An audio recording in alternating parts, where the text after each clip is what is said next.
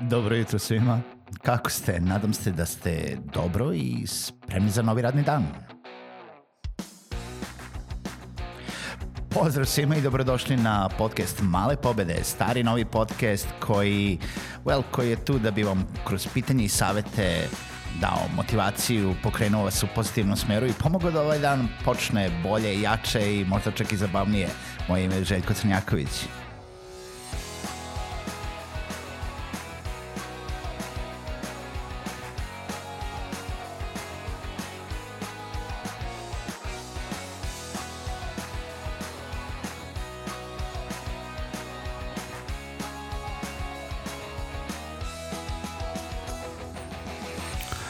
Pozdrav svima, dobro jutro i dobrodošli u novu epizodu podcasta Male pobede.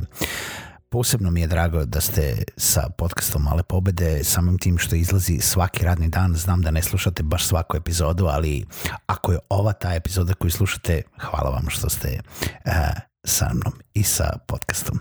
Želim da vas pozovem da posetite sajt malepobede.rs, da mi pišete na mail željko.malepobede.rs, da mi kažete ako vam nešto smeta, ako imate neku ideju, ako imate neko pitanje ili neku tematiku koju bi želeli da obradim, bio bi izuzetno zadovoljan da to čujem i dali bi mi puno bi mi pomogli sa jedne strane i naravno želim da vas pozovem da podržite podcast putem Patreona na www.patreon.com kroz male pobede.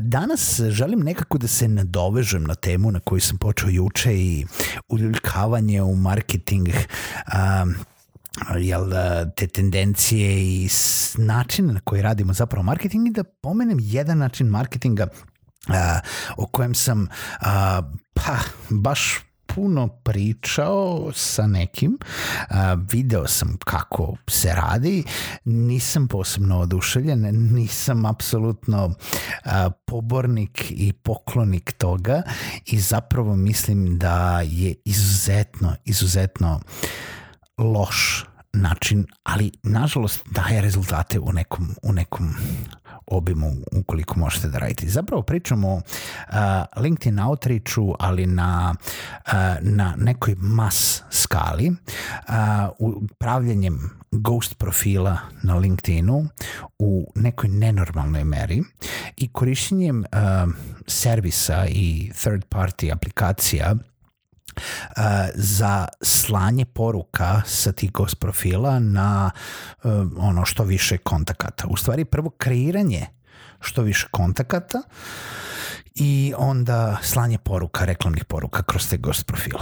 I zapravo uh, mogu da vam kažem da znam za jedan ono tipa primer uh, da firma to koristi, da postoji ono jedna čitava sekcija firme koja je posvećena tome a, da postoji više dedicated računara koje, na kojima se vrte različiti programi. Zamislite onako jednu onu farmu, ono kao što smo nekada videli na nekim dokumentarcima kako u Indiji, ono ne, neki mali indici tamo imaju neku farmu mobilnih telefona kako šalju a, milion poruka, a u stvari tri lika, samo klikću neke telefone koji su na nekim rafovima i na nekim policama svi uvezani na punjače kako se nikad ne bi ispraznili i kako ovaj non stop se šalju poruke. No zamislite kupače za kriptovalute? I, i tako zamislite i ovaj marketing na, ovoj, na LinkedInu.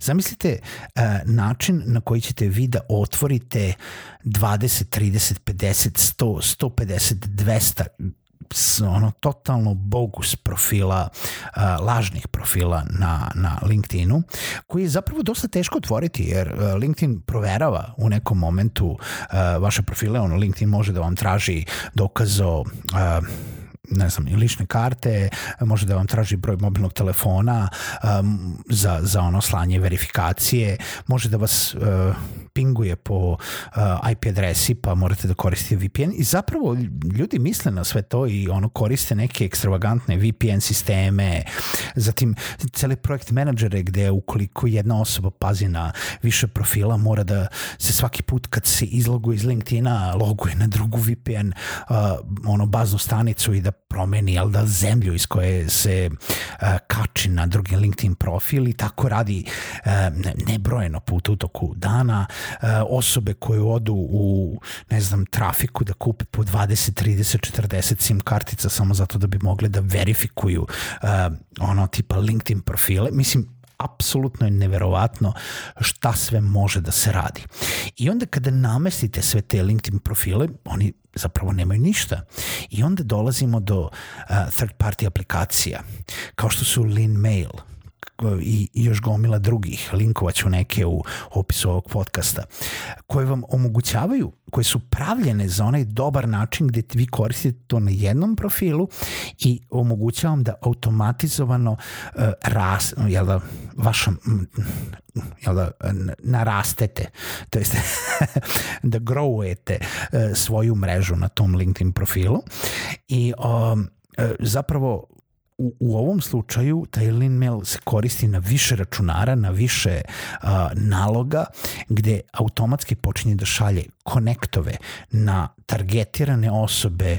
Uh, link, LinkedIn ima isto dobro targetiranje kao što i Facebook ima, gde možete da targetujete uh, ljude iz uh, određene države, određenog zanimanja, iz određene industrije i da počnete da šaljete konekcije, da šaljete prvo poruke, welcome notes, da sve to uradite u template gde će ta third party aplikacija čak doći do toga da vam kaže koliko a, koliko vremena između dve poruke i boravka na profilu i slanja i klikta, klika na taj connect dugme može da prođe da prevari aplikaciju to je da prevari mrežu da to radi a, ljudsko biće.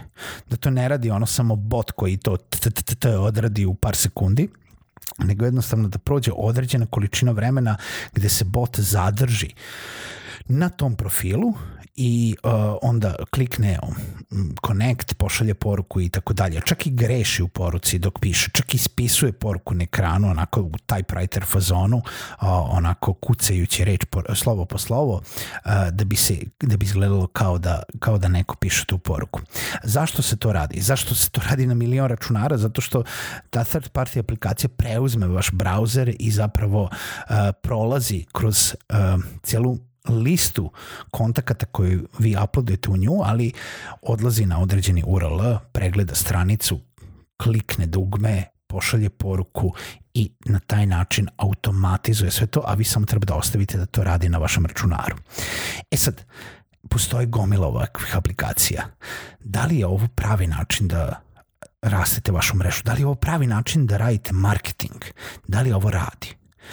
Pa mogu da vam kažem da e, u nekim, u nekim situacijama radi, ali u drugim situacijama morate da budete svesni da sve ove društvene mreže zapravo imaju za cilj da ovo iskorene. I u jednom momentu može da se desi da vam se sruši desetine profila koje ste gradili po nekoliko meseci samo zato što je LinkedIn konačno otkrio da su botovi. I šta ćete onda? I šta će onda biti sa vašim marketing planom? Šta će biti sa svim onim ljudima uh, koji primaju automatizovane poruke uh, i koji jednostavno gube veru u, u društvene mreže i pravo konektovanje sa ljudima samo zato što vide masovno slanje poruka. Mislim, na što više mreža da smo, što smo više izloženi, sve više primamo poruke. Svi znamo da preko LinkedIna, ukoliko izdobijemo neku poruku, veoma su, šanse su ono tipa 20% da me neko ovaj, kliknu baš zato što će mi napisati nešto custom, a 80% da će biti neka reklamna poruka da li je stvarno to pravi način da, da ovaj, iskoristimo tu poslovnu mrežu za, za te uslove. No evo, ja, ja sam vam dao samo neki mali uvid u to šta se radi, šta može da se radi na LinkedInu. Da li je to ispravno ili nije, ja mogu da vam kažem da ja mislim da nije. Mogu da vam kažem da znam da znam za činjenicu da daje određene rezultate, ali po koju cenu to morate da razmislite. Nisu male cene održavanja, nisu male cene a, plaćanja radnika koji će to da radi, a, nisu male cene aplikacija koje ćete da plaćate i resursa koje ćete da potrošite i naravno morate da računate na određeno vreme koje je potrebno da uložite u građenje te svoje virtualne mreže onih uh, prodavaca duhova i da vidite onda da li će to da vam donese ono, onaj ROI, return on investment na osnovu uložene uloženog kapitala. Moja preporuka nemojte da idete tim putem, ali budite svesni šta je, šta je prisutno i šta može da se radi. Čujemo se u nekoj narednoj epizodi podcasta Male pobede.